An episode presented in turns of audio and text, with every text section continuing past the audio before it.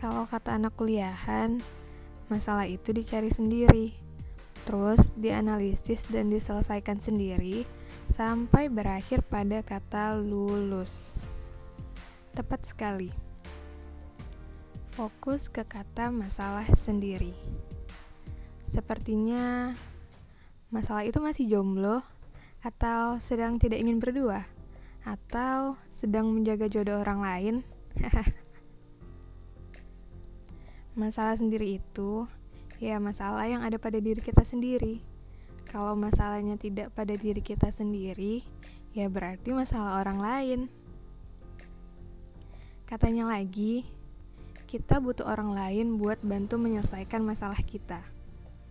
Iya, karena ada kata melegakan setelah menceritakan, ada kata nyaman ketika tanpa beban.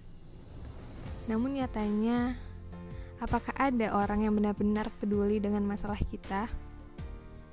Atau pernahkah berpikir untuk menyelesaikan masalah sendiri? Untuk apa cerita ke orang lain? Memangnya masalah hanya berjalan di sekitar kita sendiri. Memangnya orang lain tidak punya masalah juga. Jadi, untuk apa mendamba beban pikir orang lain dengan masalah kita?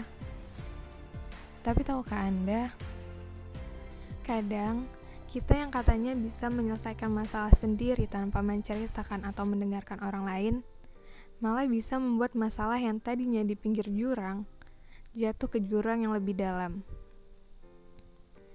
Saya tidak pernah membenarkan atau menyalahkan cara yang ditempuh untuk itu. Intinya sama, ingin menyelesaikan masalah. Lalu, setelah masalah selesai apa? Iya, kita lulus lulus dari masalah sebelumnya untuk menghadapi masalah selanjutnya. Tapi percayalah, semua kata lulus itu punya tingkatannya. Semakin banyak masalah kita menemui penyelesaian, semakin tinggi pula tingkatan kita. So, pada bagian tingkat mana kita berada sekarang?